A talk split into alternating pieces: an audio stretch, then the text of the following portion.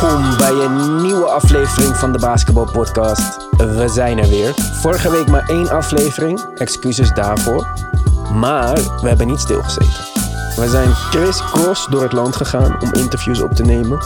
En daar zitten een paar pareltjes tussen, al zeg ik het zelf. Woensdag komt de eerste online en kun je luisteren naar een superleuk gesprek met Mo. Op Instagram kun je vanaf morgen zijn Startbench Cut zien en wie hij nomineert voor de volgende Startbench Cut.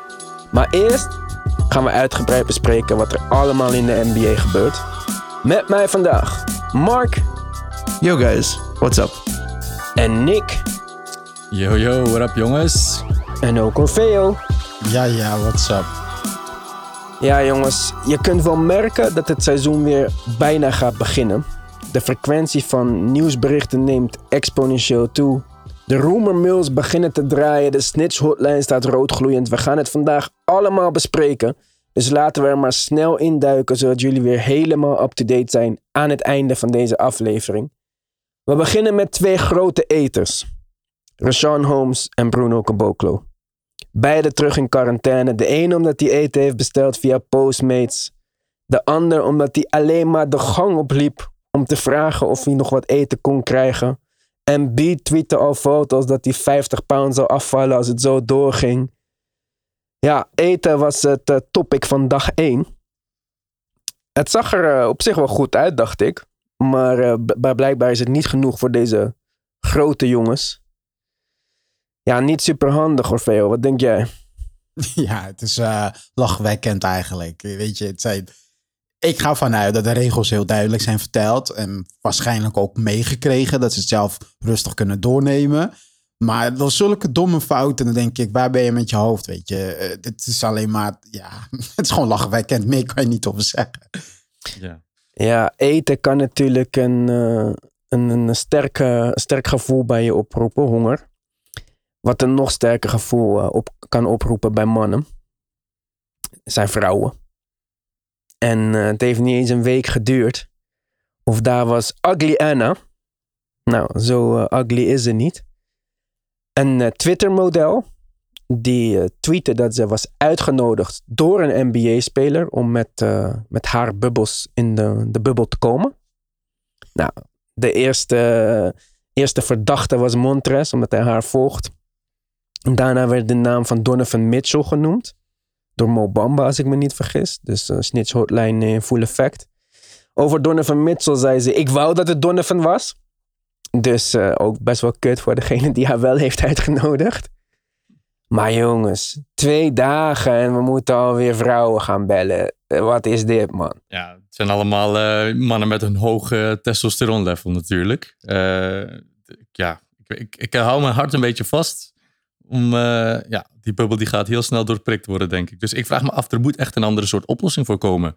Ik zeg Want- gewoon een soort van wallen met rode lampen op de bovenste verdieping. En eh, ja, het moet Ja. toch een soort van. eh, Ja, ja, of een soort combinatie massage, therapie, slash ontspannings... ja, dat er toch...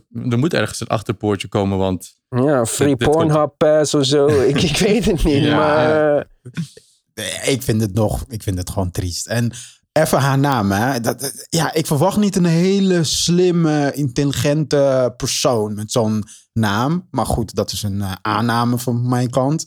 Ja, maar ik weet niet wanneer jij voor het laatst vrouwen hebt geselecteerd eh, op basis van hun intelligentie. Heb je haar gezien of niet?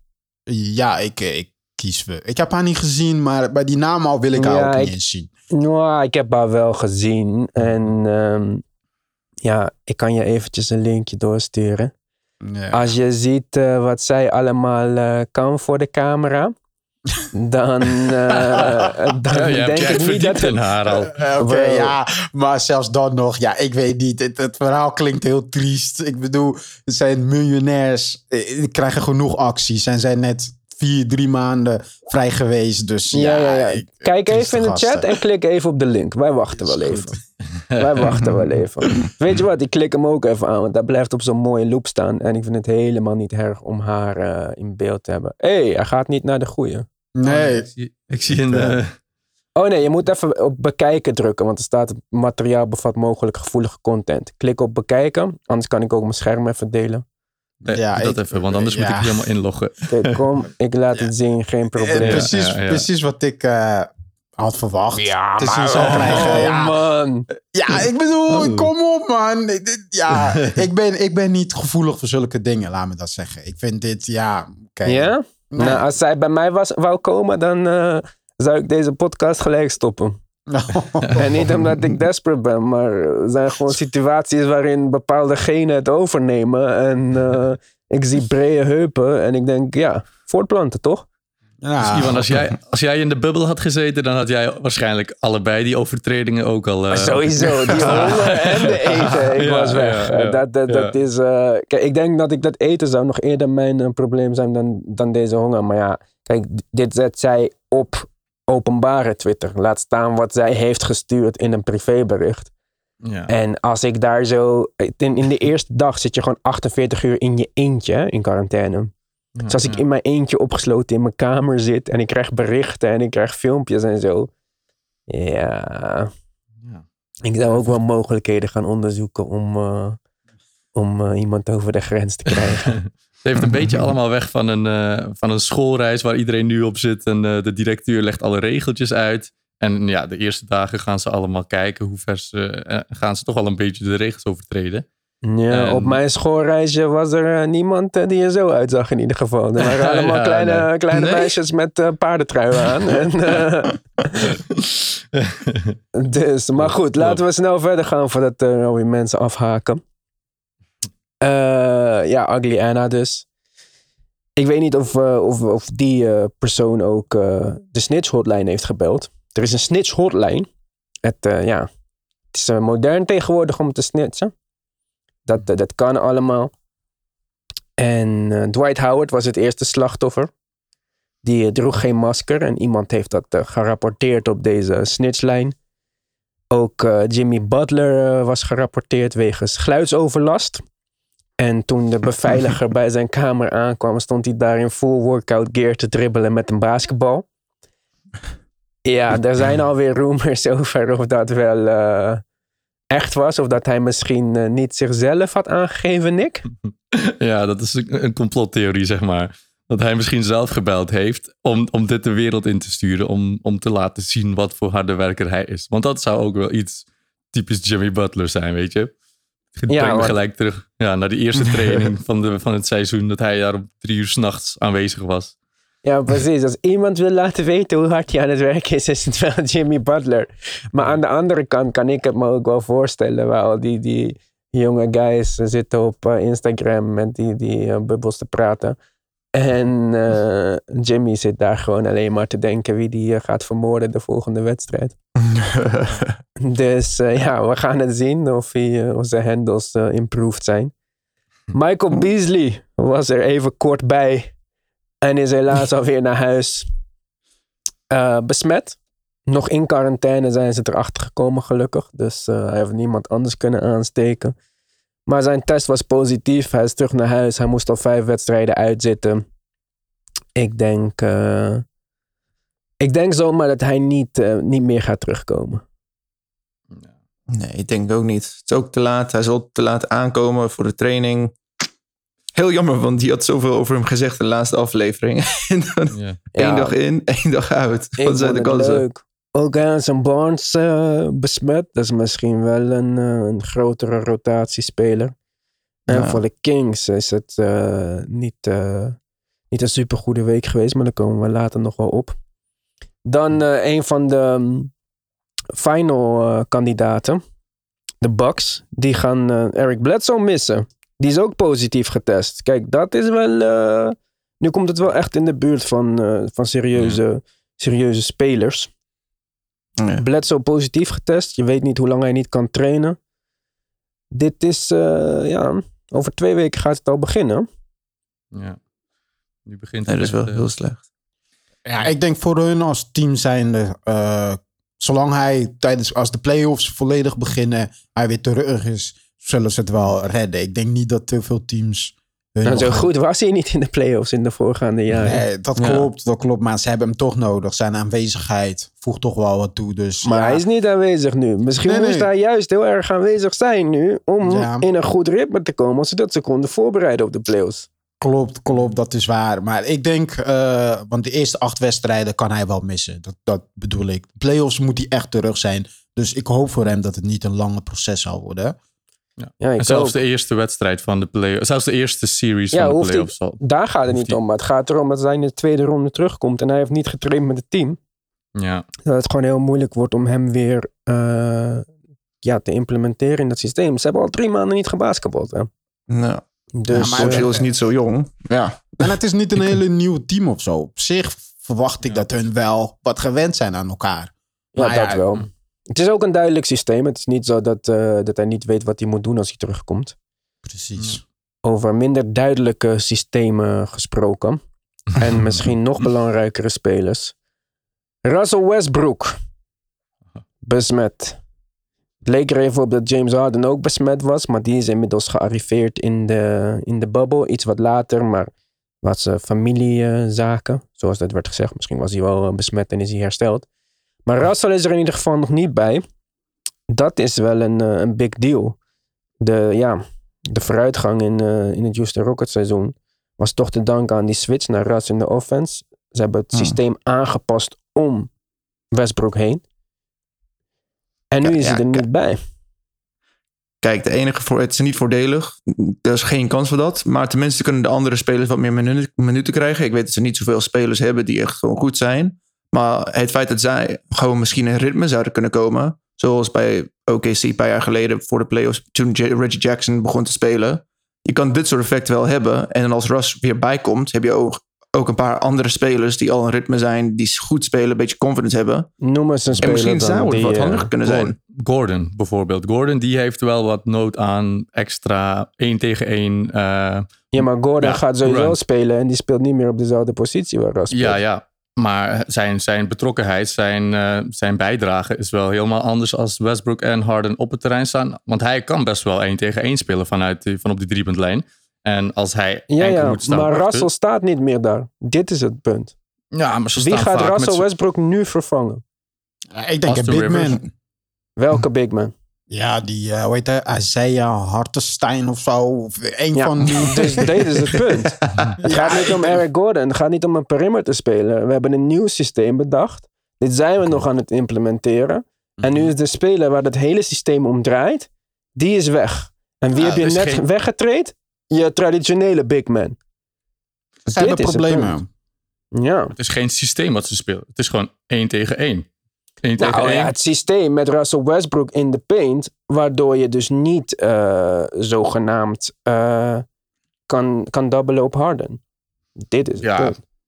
Dus ik denk gewoon dat het systeem is niet alleen per se Westbrook in de paint. Het is gewoon de mismatch die ze creëren voor de tegenpartij. Ze staan bijna, ze staan altijd met z'n vijven rond de, rond de driepuntlijn. En dan is het gewoon van wie heeft de grootste mismatch? Wie moet de bal krijgen? Wie gaat... Hm. Dus ik denk dat het, dat het eigenlijk eh, misschien nog niet zo slecht is voor de Rockets. Omdat Ja. de rest... Ja, En ook niet zo erg voor Harden, hè? Want Harden had gewoon een echte dip de laatste paar weken voor in het seizoen. Hij heeft gewoon 3,5 maanden rust kunnen krijgen. Ik weet niet, misschien was hij besmet of niet. Dat weten we helemaal niet. Maar het feit is, hij kan wel voor acht wedstrijden een team carryen met 37 punten. Dat heeft hij bewijst gewoon genoeg keren. En ik denk voor acht wedstrijden zonder Westbrook zou hij wel gewoon die main load kunnen carryen. Totdat Westbrook terugkomt. En dan heb je ook Harden weer met 37 punten. En dan krijg je ook Russ terug. Gordon is wat meer confidence. De rest van het team. Ehm, Tucker. Ja, misschien heeft het wel zijn voordeel. Het is niet goed. Maar er zijn wel soort van invalshoeken dat je denkt dat het kan wel voordelig zijn voor het team. Ja, ik- zo zie ik het niet. Ik zie Ik ook ja, de- niet hoor. Ja, ik, weet, niet. ik hoor geen één punt waarvan ik denk, ja. Ja, de, de, de voordelen, het enige voordeel wat ik kan zien is de anderen krijgen meer minuten. Punt. Daar blijft het bij. Ja, maar er zijn Maar- niet genoeg anderen om minuten te Ja. krijgen. Ja, maar ja, dat moeten ze gewoon bedenken. Dus de minder goede spelers, die gaan meer minuten krijgen. Dus dat betekent gelijk wel weer, ja, minder kans. Want je gaat nu spelers die al bijna heel de seizoen amper minuten kregen en meer verantwoordelijkheid gaan krijgen. Dat is, dat, die switch kan je niet even 1, 2, 3 maken. Dus ik zie geen Nee, en voordeel ik zie- hierin. Ja, precies. Ik zie niet daar bij de Houston Rockets op de bank een Christian Wood. Of een Rashawn Holmes. Dat je zegt van oké, nou laten we even kijken wat deze jonge guy kan doen met meer minuten. Nee, het probleem is juist dat ze niemand hebben. Dat de rotatie al super kort is. Dus dat voordeel vind ik echt, eh, echt niet aanwezig. Maar gaat hij niet Hmm. op tijd terug zijn voor de regular season? Ja, toch? Ja, ik weet het niet. Hij is nu besmet. De gemiddelde, be- gemiddelde positief testperiode is ongeveer 10 dagen tot 14 dagen. En daarna, Daarna moet hij nog in quarantaine? Dan moet hij achter elkaar Ja. vier negatieve testen hebben. Dan zal hij toch, ja, ik denk niet dat hij in principe nog twee weken moet trainen of zo. En Russell blijft sowieso fit, denk ik. eh, vanuitgaande dat dit virus niet te veel impact op hem heeft. Of blijvende schade aan zijn eh, longen aanricht of zo. Dus in principe is hij wel weer makkelijk terug te zetten in die line-up. Maar het wordt wel krap krap voor het regular season in ieder geval. Ja, nee eens. Maar Dat goed. Harden is wel aan het, eh, aan het practicen. Wie ook eh, mag beginnen met trainen is eh Nikola Jokic. Die was ook besmet. Die is in de bubbel. Quarantaine. Negatief getest. Wie er nog niet bij zijn bij eh, de Nuggets zijn Michael Porter Jr., Gary Harris. Ze zijn daar maar met z'n achten momenteel. Hm. Waarom die spelers er niet bij zijn, is niet bekend. Wordt niet gezegd. Ja, je kan het bijna al eh, een soort van, eh, van invullen. Want er, ja, wat zou de reden zijn dat je niet eh, nu in de bubbel bent? Zij zijn niet de enige ook de heat hebben, behalve Derek Jones Jr., die wel naar buiten is gekomen en heeft toegegeven dat hij positief heeft getest. Zijn Bam en Kendrick Nunn niet in de bubbel. Ook daarvoor wordt geen reden gegeven. Ook daarvan is, daarvan is de speculatie dat ze corona positief zijn. Marcus Morris, Markieff Morris zijn heel close. En beide nog niet eh, in Orlando.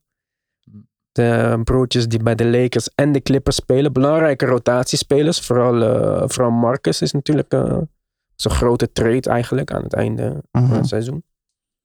Dus die zijn er nog niet. Wie er wel waren en weer naar huis zijn, zijn Zion en Montres. Zion om familieredenen. Wordt niet eh, gezegd wat het is. De Pelicans ehm, ja, zeggen het zijn privé dingen. Daar gaan we niks over zeggen. Montres, zelfde verhaal, familieredenen. Wat het ook is. Als zij uit de bubbel zijn en ze laten zich elke dag testen. Dan mogen ze, als ze terugkomen, hoeven ze maar vier dagen in quarantaine. En dan mogen ze zich weer bij de groep voegen. Als ze zich niet elke dag laten testen met snelle results. Dan moeten ze, als ze terugkomen, tien dagen in, de, in quarantaine. Dus dit wordt ook close met, eh, met de herstart. En voor Montres, misschien een minder groot probleem. De Clippers staan tweede, als ik me niet vergis. Ja. Nuggets staan derde. Ik zie niet echt eh, kans dat die eh, worden ingehaald. Maar de Pelicans moeten nog een run gaan maken om voor die 8 seed in aanmerking te komen. En zonder Zion, ja, dat is wel... eh, ik, ik weet niet wat er aan de hand is. Ten alle tijden wens ik hem eh, het allerbeste en zijn familie. Ik hoop dat er niks ernstigs is. Dat is natuurlijk nog altijd belangrijker dan, eh, dan basketbal. Maar dit is wel... het wordt wel tricky. En niet alleen dat. Zoals ze aan het begin van het seizoen al die Pelicans wedstrijden op national TV hadden gezet. Omdat ze dachten dat we Zion Ja. gingen zien. Dat hebben ze nu weer gedaan. En een van de speculaties dat er extra teams zijn uitgenodigd is om Zion aan het werk te zien. En dan is hij er weer niet bij. dus geen Hawk Zion eh, in ieder geval eh, in de scrimmages. Ja, karma, lekker voor ze. Nee, ja. Wat is dit? Ja, ik Ja. vind het... Kijk, eh, hij is een geweldige speler. Ik snap de hype, ik snap het. Maar als het zo opvallend wordt dat mensen, weet je, eh, hun voorkeur erg naar voren halen voor maatregelen, bijvoorbeeld extra teams, zodat zij aan mee kan doen. Ja, we- het Dat- zit bij mij niet lekker. Dan denk ik van, jongen, jongen, kom op man. Doe even normaal. Hij heeft nog niks Straks ligt gedaan. zijn moeder in het ziekenhuis of zo. Ja, oké, dat snap ik. Maar ik bedoel, voor de NBA is lekker. Weet je, van hem. ja, voor, voor hem niet. Voor hem eh, kan Ah, ik niks over zeggen. Maar voor de NBA, dat ze zo hun best doen om Zion, Zion. Ik snap het. Het is een business ding. Je moet geld verdienen. En met Zion komt geld binnen. Maar toch denk ik, jong, hou toch even op. Ja, maar ik geloof niet veel van die speculaties dat de NBA dat enkel doet om Zion. Ze willen gewoon iedereen een eerlijke kans geven. En Zion's team zat daar toevallig bij. Meer zou ik er echt niet achter zoeken, eerlijk gezegd. Nou, Helemaal ik bedoel, niet mee eens. Ik, ik zou niks naast de NBA neerleggen. Het is een business en businessmensen die zijn heel slim. Ja, en Dus- ik denk niet dat ze een eerlijke kans per se aan de Wizards of de Suns wouden geven. Ik denk wel toch dat het, als we nu ook kijken, het is echt Portland en de Pelicans eigenlijk die nog kans maken op deze plek. In plaats van Memphis dan. Ik zie niet dat de Spurs, eh, waar we het zo nog over gaan hebben, maar de Spurs Mhm. of de Kings eh, in aanmerking komen. Helemaal niet met het nieuws. Maar Ja, ja. het is een Ja. competitie. Dus iedereen die, die, recht, die, die, op, die in de playoffs kon geraken, die verdient die kans. En ik denk dat ze dat eerlijk Ja, maar jij echt hebt wel op die manier Ja, bekijken. Ja, sowieso een een hele ander gevoel kans. voor rechtvaardigheid. Want we Ja. gaan het zo nog over de NBA Awards hebben. Waar je een duidelijke mening over had. Want de NBA ook gewoon zegt, fuck Nick en jouw Ja. ideeën. Maar ehm, ja, Zion er niet bij, Montrez er niet bij. Hopelijk is er niks ernstigs aan de hand. En kunnen ze allebei weer snel aansluiten bij hun teams. Mhm. Dan gaan we door met de Lakers, waar eerder al Avery Bradley afzei. Dwight Howard was in twijfelgeval, heeft zich er toch bijgevoegd. Ik weet niet hoeveel strikes je moet krijgen met die snitch hotline om eh, terug in quarantaine te moeten of zo. Maar dat is het grootste gevaar voor hem op dit moment. Rondo, geopereerd aan zijn duim, of moet worden geopereerd aan zijn duim. Loopt al jaren met die eh, blessure rond. En nu is het Mhm. blijkbaar eh too much geworden. Hij moet geopereerd worden. Hij is er niet bij. We hadden het er al in een eerdere uitzending over. Hij zou die perimeterverdediging op zijn rekening moeten nemen. Playoff Rondo zou moeten terugkeren in zijn beste vorm om, eh, om dit allemaal voor de Lakers te redden.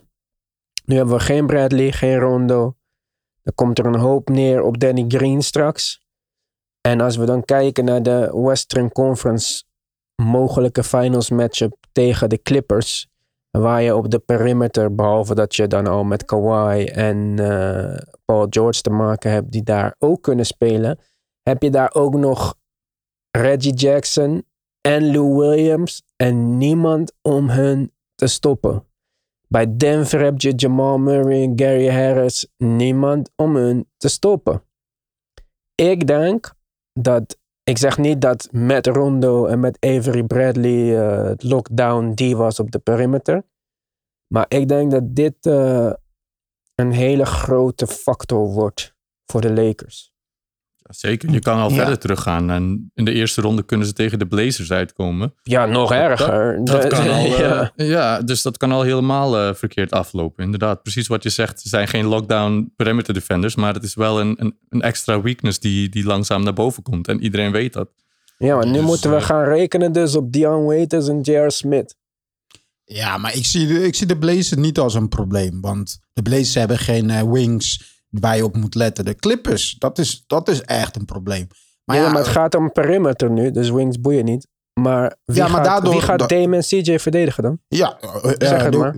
eh, LeBron James, die kan dan. Omdat, Ja. om- omdat, Maar, Als maar, LeBron op Dame staat, dan is het 50 punten Lillard time. Ik- gaat hij ik- zijn verdediging dit jaar is echt veel beter geworden dan de Ja, bro, afgelopen bro, jaren. bro, stop, stop. Zet jezelf niet verschut. Dit kan echt niet. LeBron tegen Damian Lillard, dat is 50 punten voor Damian Lillard. Er is geen mogelijkheid op planeet aarde dat LeBron James Damian Lillard één op één kan verdedigen. LeBron James Mello stoppen één op één? Geloof ik 100% in. Maar LeBron James op zo'n snelle point guard? Ja, pff, dit, dit- dit is, het gaat niet om dat LeBron... Zelfs, het gaat niet eens om LeBron James' verdediging. Maar het gaat erom dat dit is gewoon een mismatch. Zelfs Patrick Beverly geeft aan dat hij vreest dat hij niet snel genoeg is voor, eh, voor Lillard. En niet- Ja. Ja, we maar hebben het over een van de... We hebben het Klopt. over Paul George. Een van de beste perimeter wings verdedigers in de NBA. Die Lillard niet kon stoppen. Ja, En dan gaan we naar iemand van 35, die al de laatste 10 jaar niet echt verdedigt. Die, Ja, maar- dit, is, dit wordt niet eens de matchup. Ik, kan jou, ik wil nu met jou wedden om een fles whisky of rum of whatever jij drinkt. Dat eh, LeBron James geen 10 minuten op Damian Lillard staat in de rest van dit NBA-seizoen. Oké, Hij heeft kijk. dit nooit gedaan. Nooit eerder Nee. heeft hij Nee, een- nee. een, Ik zeg ook niet dat die uh, Lillard gaat, eh, Damian Lillard gaat stoppen. Want wie kan hem stoppen? Volgens Maar gaat hem ook niet verdedigen? Nee, ja, maar ik denk noodzaak. Uit noodzaak moet hij, zou die misschien wel Nee, moeten. 100% niet. Oké, wie ga je erop zetten? Danny Green Wat wil niet- je? Welke fles? Welke fles? Caruso! Rum, wat wil je? Whisky? Nee, nee, ik, hoef, ik, ga, ik, ga, ik hoef weddenschap niet aan. Want het is een noodzaak. Het is niet van, eh, oh, eh, we hebben LeBron, dus het komt goed. Kan jou verzekeren, 100% gaat niet gebeuren. LeBron James gaat geen 10 minuten op Damian Lillard in 7 wedstrijden staan. Oké, ja. Hij zelfs niet switcht op Damon. Nee, precies. Zelfs dat gaat hij niet doen. ja, ja, ja, overdreven. Maar goed. Nee, ja, nee. het is niet Ja, nee, dat is echt, ja. overdreven. Ik zie het Ja, niet Oké, gebeuren. nou ja, ik, eh, ik ga niet- de weddenschap niet aan, maar we zullen het zien. Ja. Maar goed, ja, inderdaad. En ik ben benieuwd wie, wie, wie ze nog uit de hoed gaan toveren. Misschien iemand, ja, Alex Caruso, dat is de enige ja, die... Alex Caruso. Ja, maar die kan het geen hele wedstrijd. En die kan niet McCollum en Lillard eh uit Ja, maar misschien krijgen we eh. uh, heldenprestaties van eh J.R. Smith en Dion Waiters. Ja, nee, dat- ik, ik verwacht daar ook gewoon niks van. Ik, ik pas op, ik, eh, ik schrijf J.R. Smith zeker niet af vanwege die ene fout in de finals. Maar en ik, ik vind hem nog steeds... Ja, als er iemand eh, stressbestendig is en iemand die je in elke situatie kan gooien en zijn ding doet, dat zeker. Maar, of, of zelfs de Memphis Grizzlies, John Morant. Wie gaat die... Wie gaat die... Maar ja, die het team is misschien minder goed als... de Ja, Blazers. ja dat- ik- Blazers, kijk, vergeet niet hè, bij de Blazers. Nurkic is terug. Dat is een big deal. Zach Collins is terug. Dat is een big deal.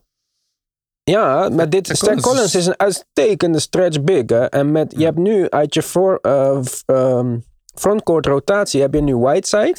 Wat, waar wij allemaal niet super gecharmeerd van zijn. Maar dat is zeker een goede backup center die de rim kan protecten ten tijde dat uh, Nurkic naar de bank gaat.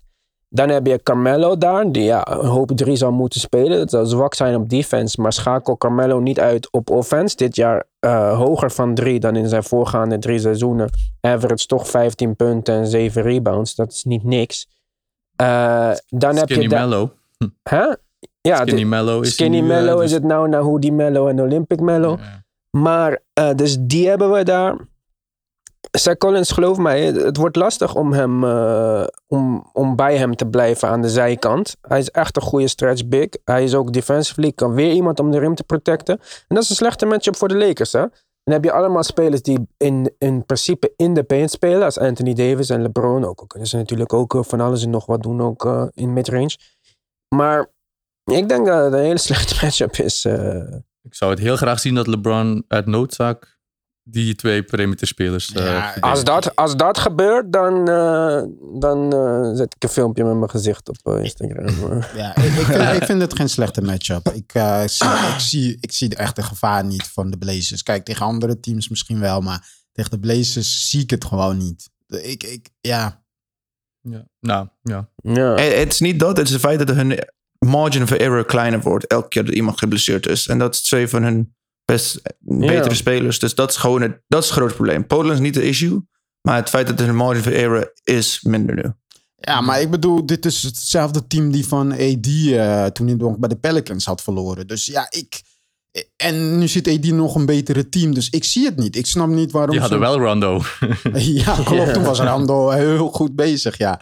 Ja, ik, ik zie het gewoon niet gebeuren dat hun uh, een slechte matchup zijn voor de Lakers. Want AD met de Pelicans team, die kon hem niet stoppen. Ze hadden geen antwoord op hem. En nu met LeBron James erbij, ja... Ja, en een jaar later kon PG Damian Lillard niet stoppen. Dus ja. Met twee ja. slechte schouders. Ja. ja. In ieder geval, ik vind het wel heel leuk dat de meningen verdeeld zijn over de Lakers, de Blazers, de Rockets. En dan onze luisteraars nog buiten beschouwing gelaten. Dus het, het maakt het ja. alleen maar interessanter. Uh, ik ja. ben bang uh, dat uh, onze luisteraars zich aan gaan sluiten bij Orfeo. De liefde voor LeBron James is groot. in ieder geval bij onze Instagram-volgers. Ja.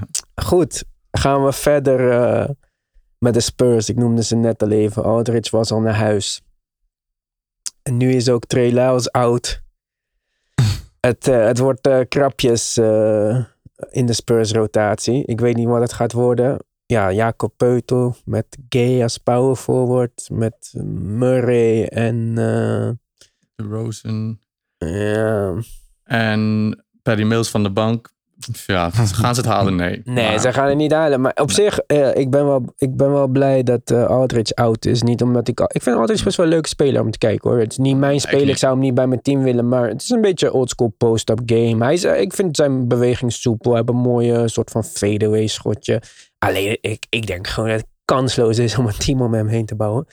Dus ik was heel nieuwsgierig naar wat de Spurs gaan doen. Wat Popovic gaan doen. Hoe gaat hij aanpassen? Gaan we eindelijk die jonge spelers een beetje zien? Want ja, ik weet het niet. Maar ik zie toekomst in Murray, Lonnie Walker, Bryn Forbes, Derek White. En die zitten dan achter de Rozen. Achter... Dus ik hoop, ik hoop dat we iets super creatiefs gaan zien. Dat we gewoon balmovement zien die we de laatste twee, drie jaar sinds Aldridge bij de Spurs is gekomen niet hebben gezien. Ja. Ik hoop dat eh, de Rozen zichzelf kan overstijgen en vooral op teamspel wat meer kan toevoegen dan alleen eh, zijn eh, ISO midrange game. Maar ja, het wordt interessant. Het wordt een beetje. eh, ja, ik weet niet of Popovic het nog in hem heeft om iets, Mm, iets super revolutionairs te verzinnen. Nee, gewoon snel, de snelheid van het spel gaat zo omhoog. De, voorspelbaarheid van Aldridge is weg. En ik, ik heb ze al twee keer afgeschreven, de Spurs. Maar nu is het voor het eerst dat ik eigenlijk weer een beetje enthousiast word om te gaan kijken zelfs. Want Aldridge was echt een speler die ik eh, kreeg de kriebels van. Hij is zo voorspelbaar. Hij doet weinig buiten die de bal opeisen. En hij, hij maakt ook weinig mooie passes of zo vanuit die post-up. Dus Ja, en Ja. Peutel was een van die spelers die in de Kawhi-trade betrokken was. En toen zei Boya nog tegen mij van, eh, schrijf hem niet af. Hij is echt een goede speler. Maar we hebben hem echt super weinig aan het werk gezien de laatste tijd. En als ik me niet Hmm. vergis, is hij ook free agent aan het eind van dit seizoen. Dus misschien is het een geluk bij een ongeluk. Dat we hem nu in actie gaan zien. Dat de Spurs hem nu in actie gaan zien. En dat ze weten van, wat wordt het met deze jongen? Of laten we hem gaan, net als Davis Bertans. En eh, wordt hij gewoon eh, een van de beste spelers op een ander team. Dus misschien is het allemaal eh, oké of ze nou de playoffs halen of niet. Die 50 win season streak hebben ze sowieso al verbroken. Dus eh Popovic heeft, eh, is onderuit gegaan eh, met het nationale team. Ja. Eer en ego zijn weg. Laten we gewoon bouwen aan de toekomst. En ik hoop dat ze dat gaan doen. Gaan we verder met de Ja. Sacramento Kings. Waar eh Rashawn Holmes eh, terug is in eh, quarantaine. Dat is vervelend. Harrison Barnes was... volgens mij is hij weer terug naar huis. Zelfs. En dan De'Aaron Fox door zijn enkel gegaan. Wordt pas over 7 tot 10 dagen gereëvalueerd. Dus dan wordt er pas gekeken hoe de status is. Niet eens spelen in de tussentijd wat dan ook. Dus ja, jongens, ik, ik weet het niet.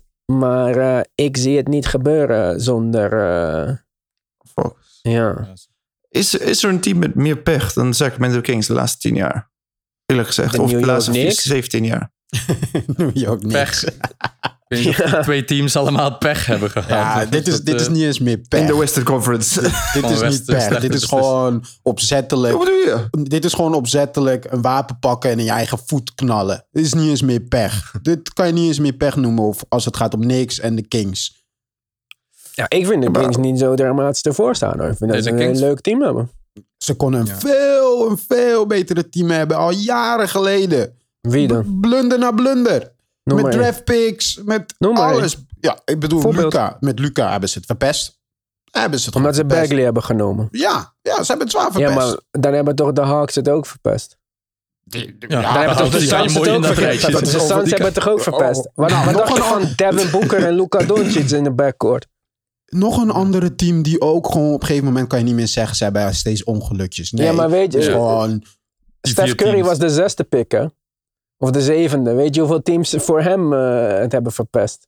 De Ja, Minnesota maar- Timberwolves. Ja, Giannis was de vijftiende pick. Paul George was eh vijftiende of zo. Weet ik Kawhi was ook eind eh ja, Ja. met de eerste ronde. Draymond Green was tweede ronde. Siakam was laat eerste ronde. Kijk, dat, Ja, maar- kijk ik zeg niet, ik, ik vond Doncic de nummer één pick.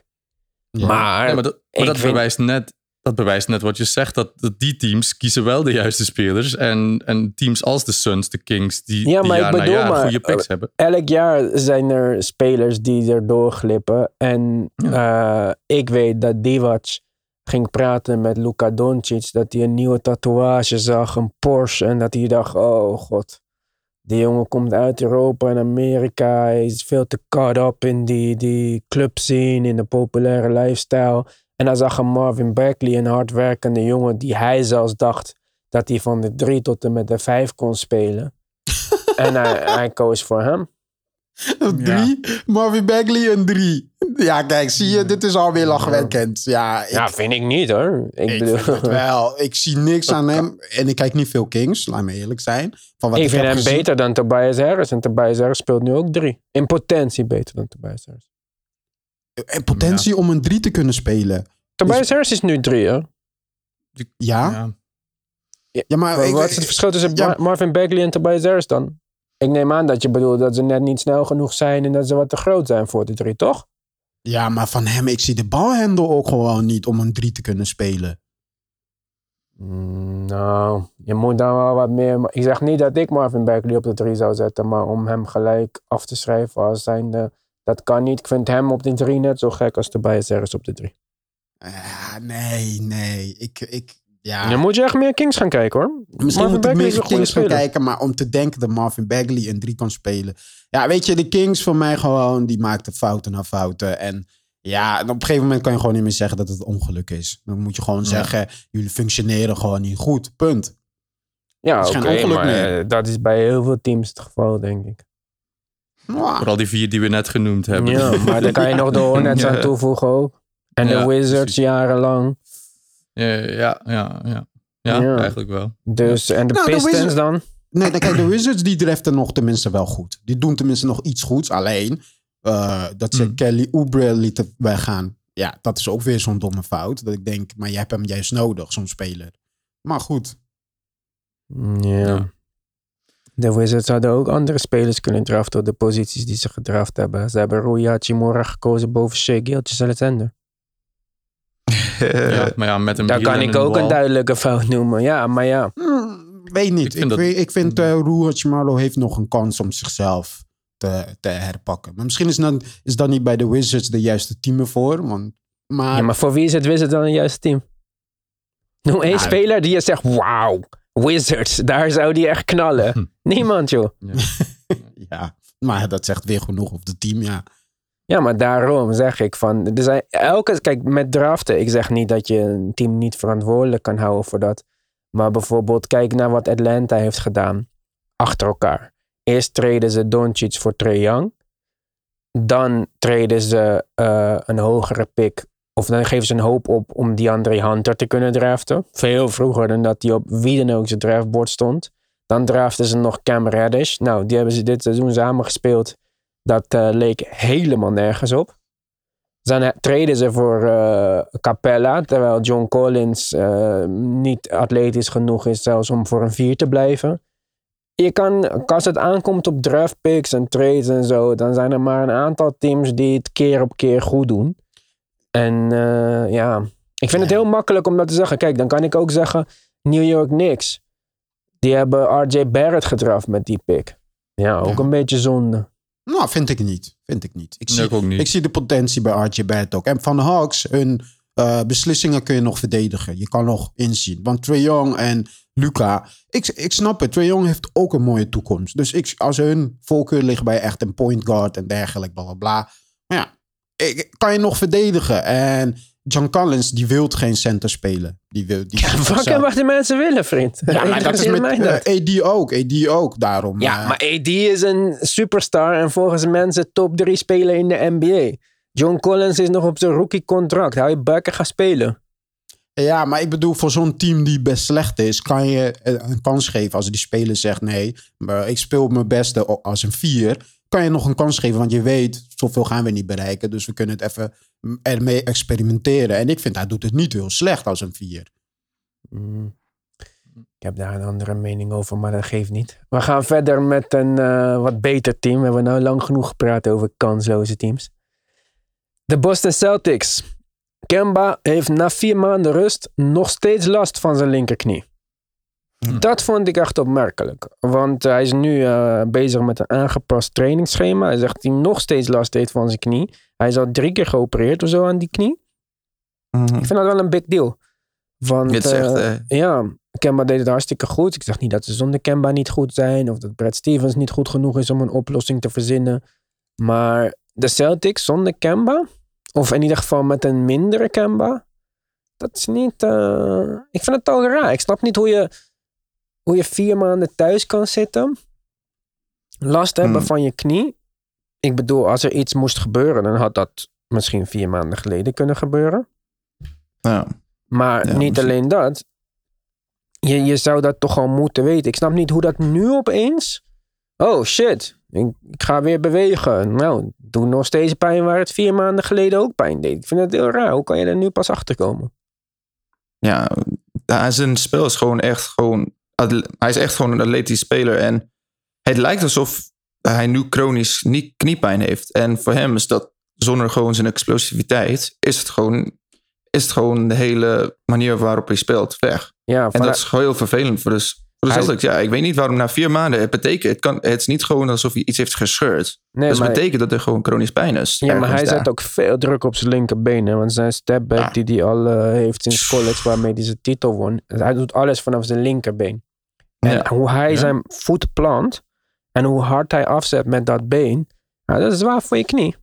Dat, eh, kijk, Ja. Eh, oh, ik dacht dat hij met zijn rechterbeen deed. eh. ja, misschien nu, Maar- omdat zijn linkerbeen niet meer kan. Maar die, eh, die stepback van hem is met zijn linkerbeen geplant. als En hij is wel afzet. 30, hè? Het is gewoon niet alsof hij gewoon jong is. Het is gewoon echt iemand. Ja, voor jou is dat niet jong, voor mij is 30. nee, maar gewoon voor zijn lengte. Voor zijn lengte. Gewoon om zo explosief, met zoveel explosiviteit te spelen. Ja, ik vind het gewoon raar dat het na zoveel tijd eh, Ja, is ook nog steeds raar. is. Ja, na drie operaties ja, kan het, eh, is het niet heel raar dat het nog steeds maar... Nou, doe maar stamcellen injecties of zo. Plasma, Ja, ja. die, die foetus baby dingen erin. Huppakee, eh, doe iets. Ja, Ja. ik weet niet. Ik, ik heb zoiets als het na vier maanden nog niet goed is. Dan eh, betwijfel ik of het ooit nog helemaal goed komt.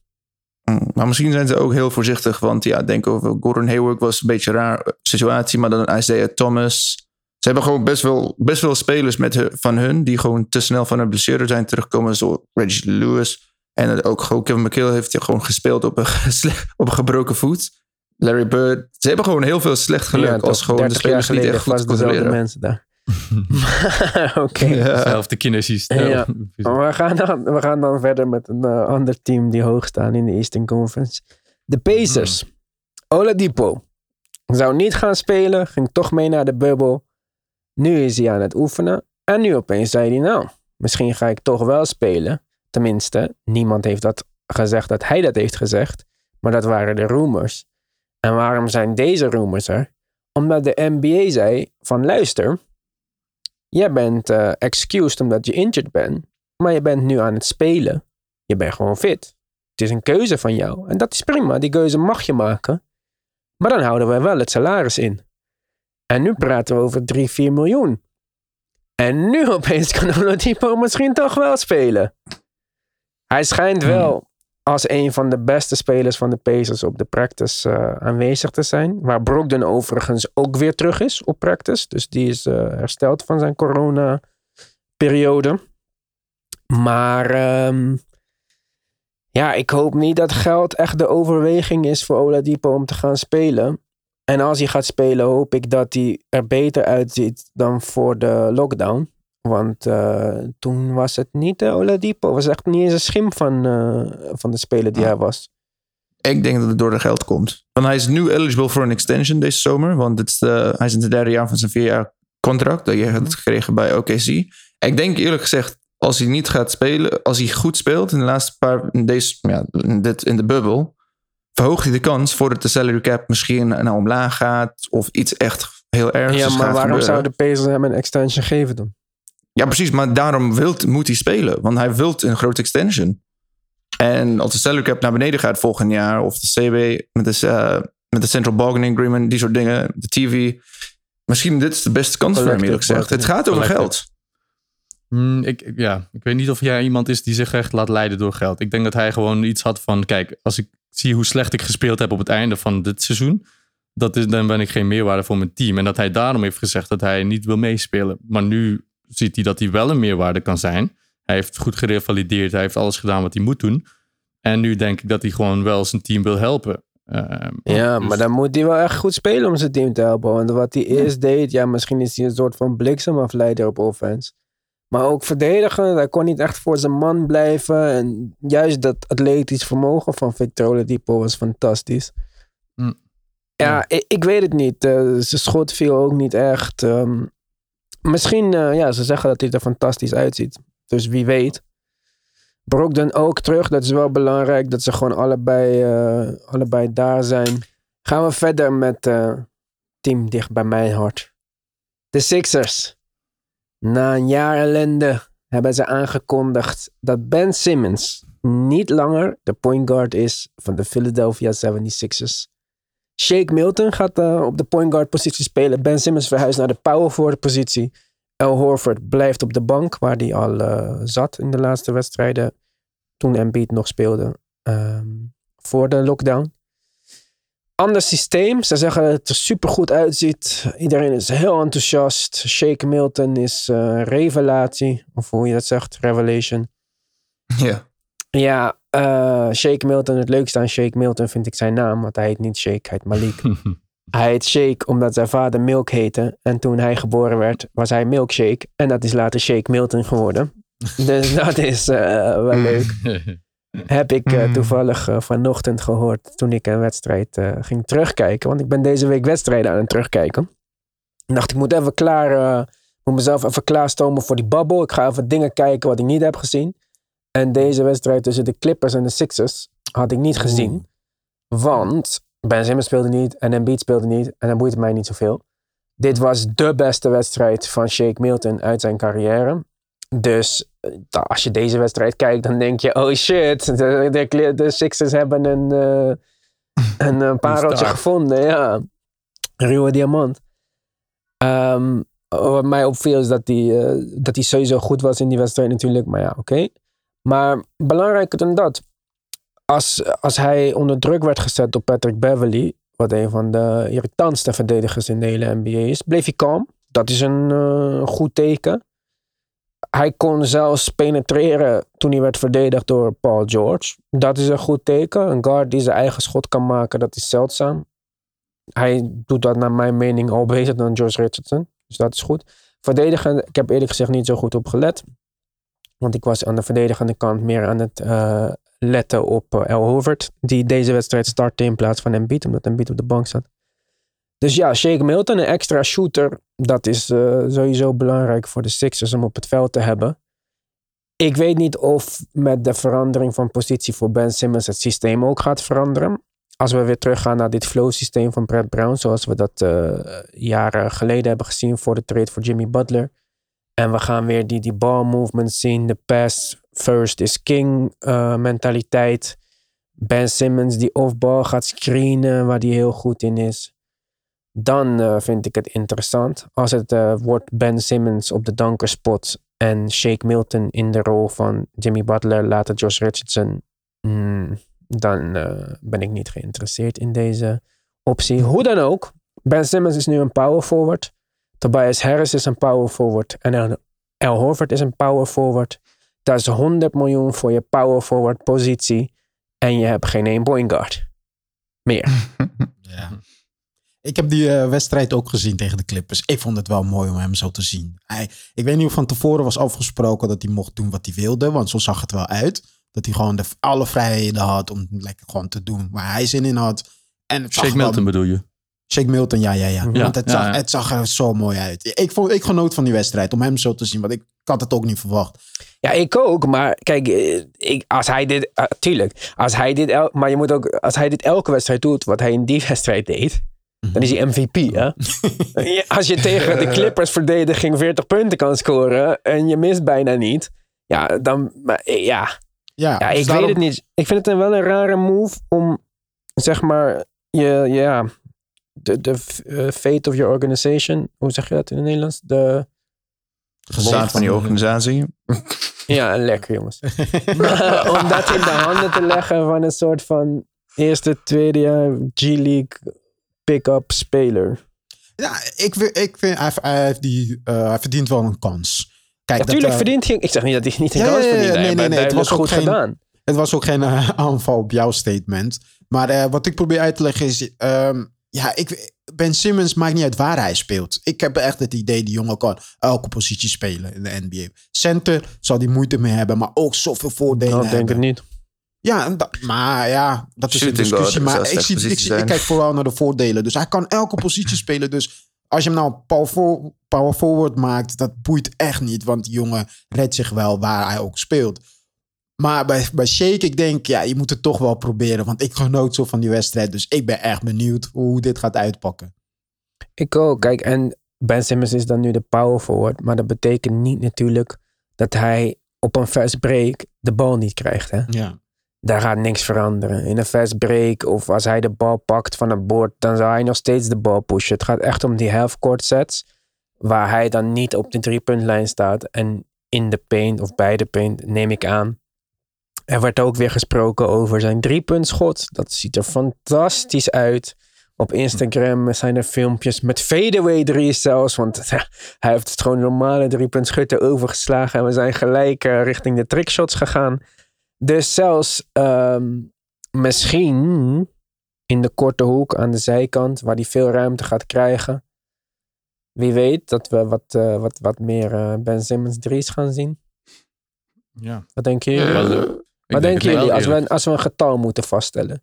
Van hoeveel driepunters Ben Simmons gaat nemen in de rest van dit seizoen? Playoffs en 30. 30!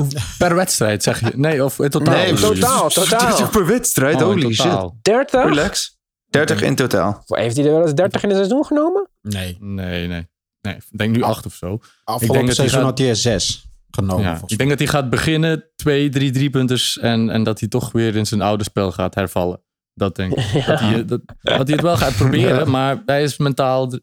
Kijk, hij ziet er heel mannelijk en stoer uit altijd. Maar ik denk op dat vlak is hij echt gewoon nog niet rijp om... om ja, hij wil gewoon niet missen. En dat, eh, dat zie je er gewoon aan. Hij, hij kan niet gewoon gooien zonder... Ja, dus ik Mark gewoon- Mark denkt dus 30. En Dat hij is heeft... twee per wedstrijd ongeveer. Hè? Weet Als je- hij gewoon de regular season Ja, ja. in één serie gaat Leuk. spelen. Weet Dus je hoe die, hoeveel hij er tot nu toe heeft genomen in zijn hele carrière? negen. 23 in zijn hele carrière. En jij denkt dat hij de, de rest van dit seizoen 30 gaat dit nemen? seizoen. Ik gun hem, hè. Ik gun hem. Jij hebt zoveel positiviteit over hem gehad. Ja, gezegd. omdat hij briljant is op elk gebied. Behalve, eh, nou precies dit gebied. Ja. Maar hij schiet wel als een power forward. Dus dat, op dat vlak... eh, Ja, ik, kijk, ik weet het niet, beter. jongens. Als hij, ehm, zelfs als hij 34% van drie schiet, dat je hem in ieder geval niet open kan laten staan. En dat je wat meer eh, space hebt voor als Embiid de kitchen, wat in de post wil doen, wat ik ook zou aanmoedigen. Ja, ik weet het niet. Ik denk in ieder geval dat we even, zelfs als dit werkt, dan moeten we even heel goed gaan kijken naar wat Elton Brand heeft uitgesproken in het eh, afgelopen offseason met eh 100 miljoen geven aan de power forwards. Want Tobias Harris beste positie is de 4 nu. Al Horford wil 4 spelen, moet nu van de bank komen omdat het helemaal niet mogelijk was om hem te spelen met Embiid en Simmons samen. En je gaat nu Ben Simmons naar de 4 verhuizen. Ja, dan is het dan. Ik, ik vind eh, dat Brad Brown niet eens eh, nu mag aangewezen worden als schuldige. Ik denk dat Elton Nee. Brand is echt eh, game over. Die moet echt weg. Brad Brown die haalt en nu echt het, het maximale uit die rotatie. Want Joel Embiid is de eerste die, die een breather gaat krijgen. Die gaat rusten. En dan gaat Ben Simmons waarschijnlijk... Dan gaat Al Horford op de vier. En dan komt Ben Simmons waarschijnlijk terug wel weer op die één positie, denk ik. Ik denk niet dat het gewoon een permanent ding is. Ik denk wel dat het een mooie, een mooie oplossing is voor het rotatieprobleem die ze... Die, ze, die Elton Brand hen heeft eh, aangesmeerd. Ja, want eh El Horford zo op de, op de, op de hoek van de, van de paint, van de bucket, is op de elbow, is echt een uitstekende playmaker daar. Dus hij dan met ehm, van de bank Alec Burks en eh Glenn Robinson III. Dat is interessant.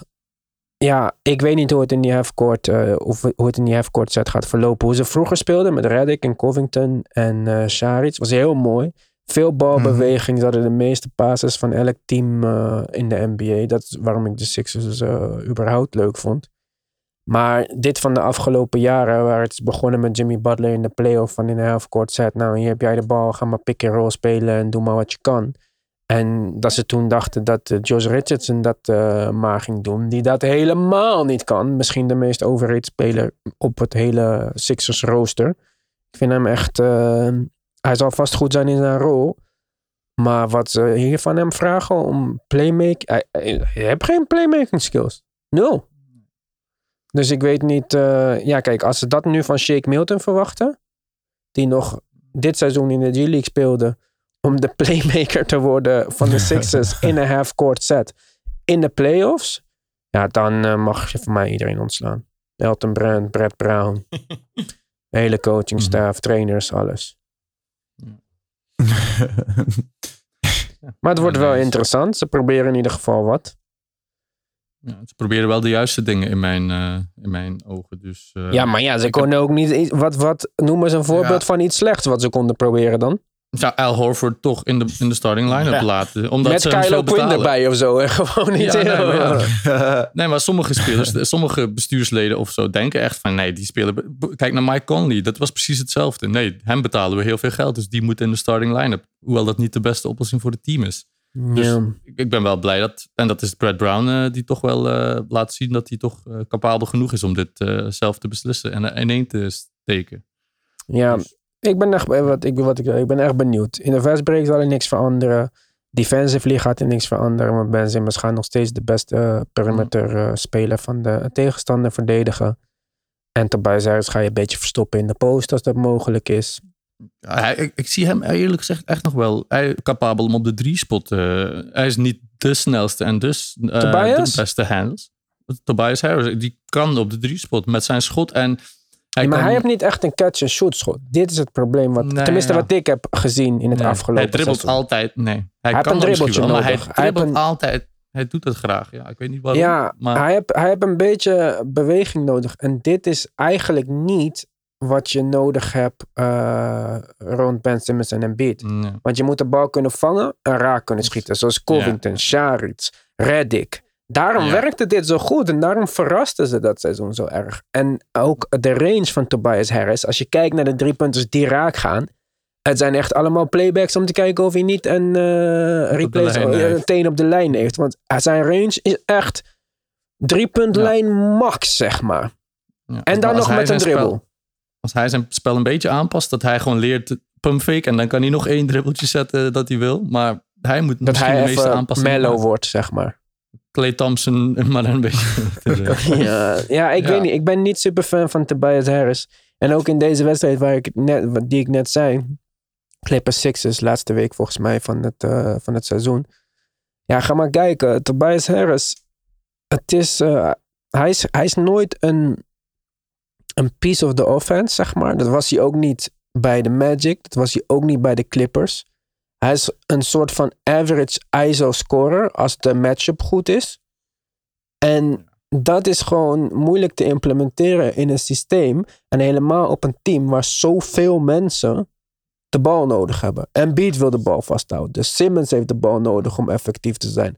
Horford heeft de bal nodig om plays te maken. Josh Richardson is blijkbaar Allen Iverson in het hoofd van eh Philadelphians. Dus, en nou mag Shake Milton ook nog de bal aanraken. Ik zie gewoon niet echt heel veel tijd voor Tobias Harris om te doen waar juist hij goed in is. Nee, precies. Hij staat te hard onder in de, pick- de packing order, zeg maar. Nog onder Horford zelfs. Dus hij Ja. moet gewoon die aanpassing maken. Dat gaat een key zijn om, eh, om, om, dat, om het spel een beetje ja, mooier te maken om naar te kijken. Want anders eh, gaat het resultaat sowieso uitblijven. Ja, dus ik hoop dat zijn catch-and-shoot eh, percentages wat omhoog gaan. Dat hij in ieder geval van, eh, van de zijkant drie punten gaat raak schieten.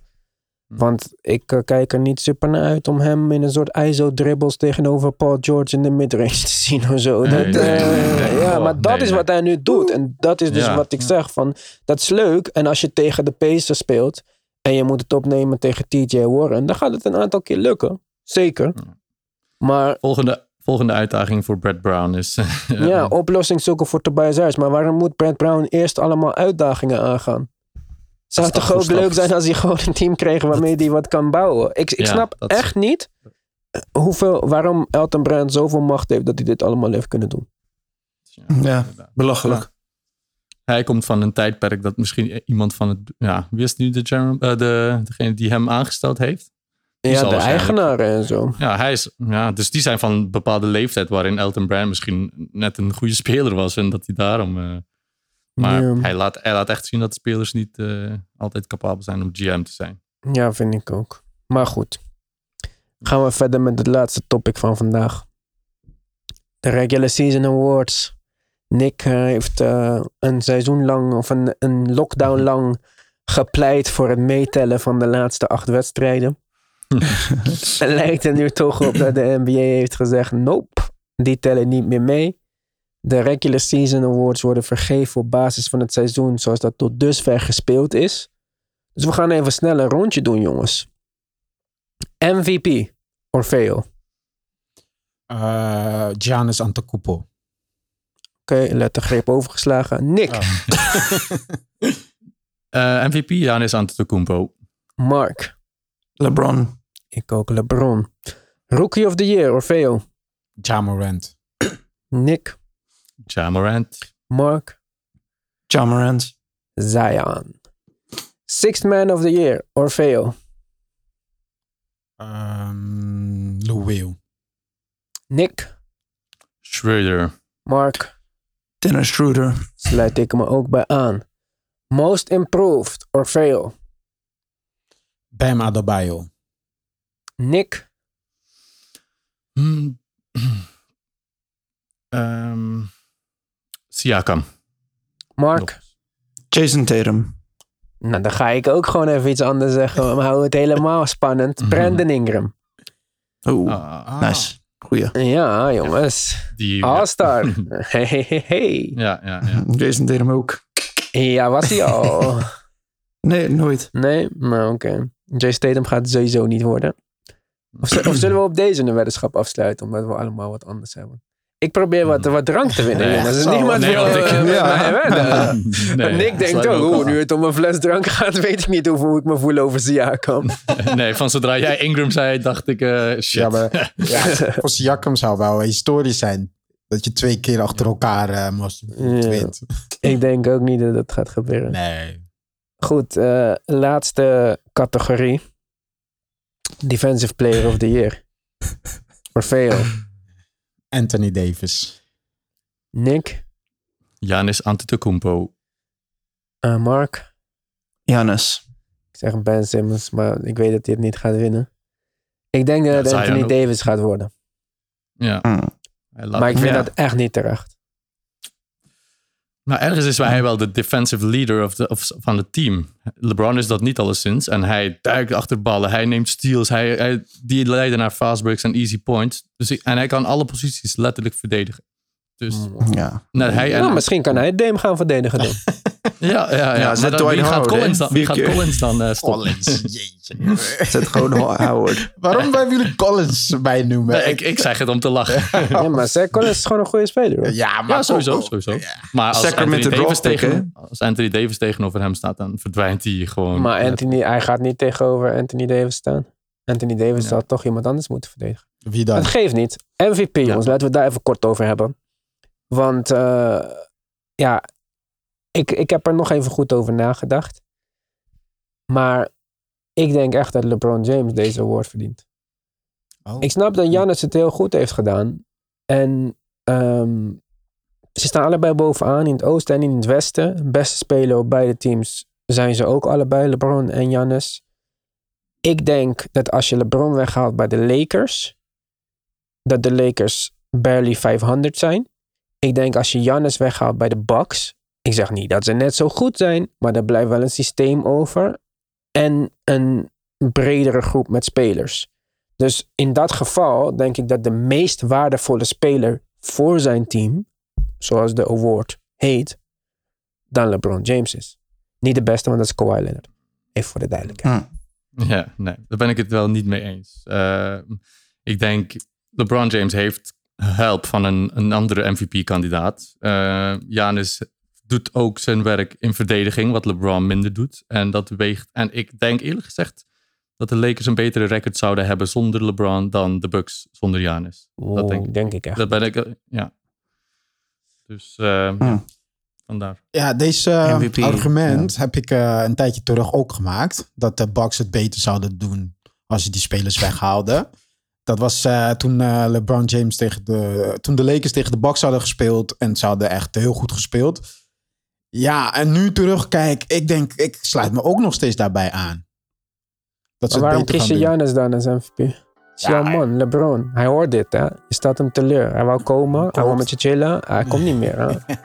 Ja, Hmm. omdat ik weet gewoon, de, eh, het verhaal gaat naar Ja- Giannis toe. Weet je? Ja, maar het is jouw pick, hè? Dus zeg maar, wat zegt jouw hart? Even om af te sluiten. Oh, veel. Dit is je laatste kans.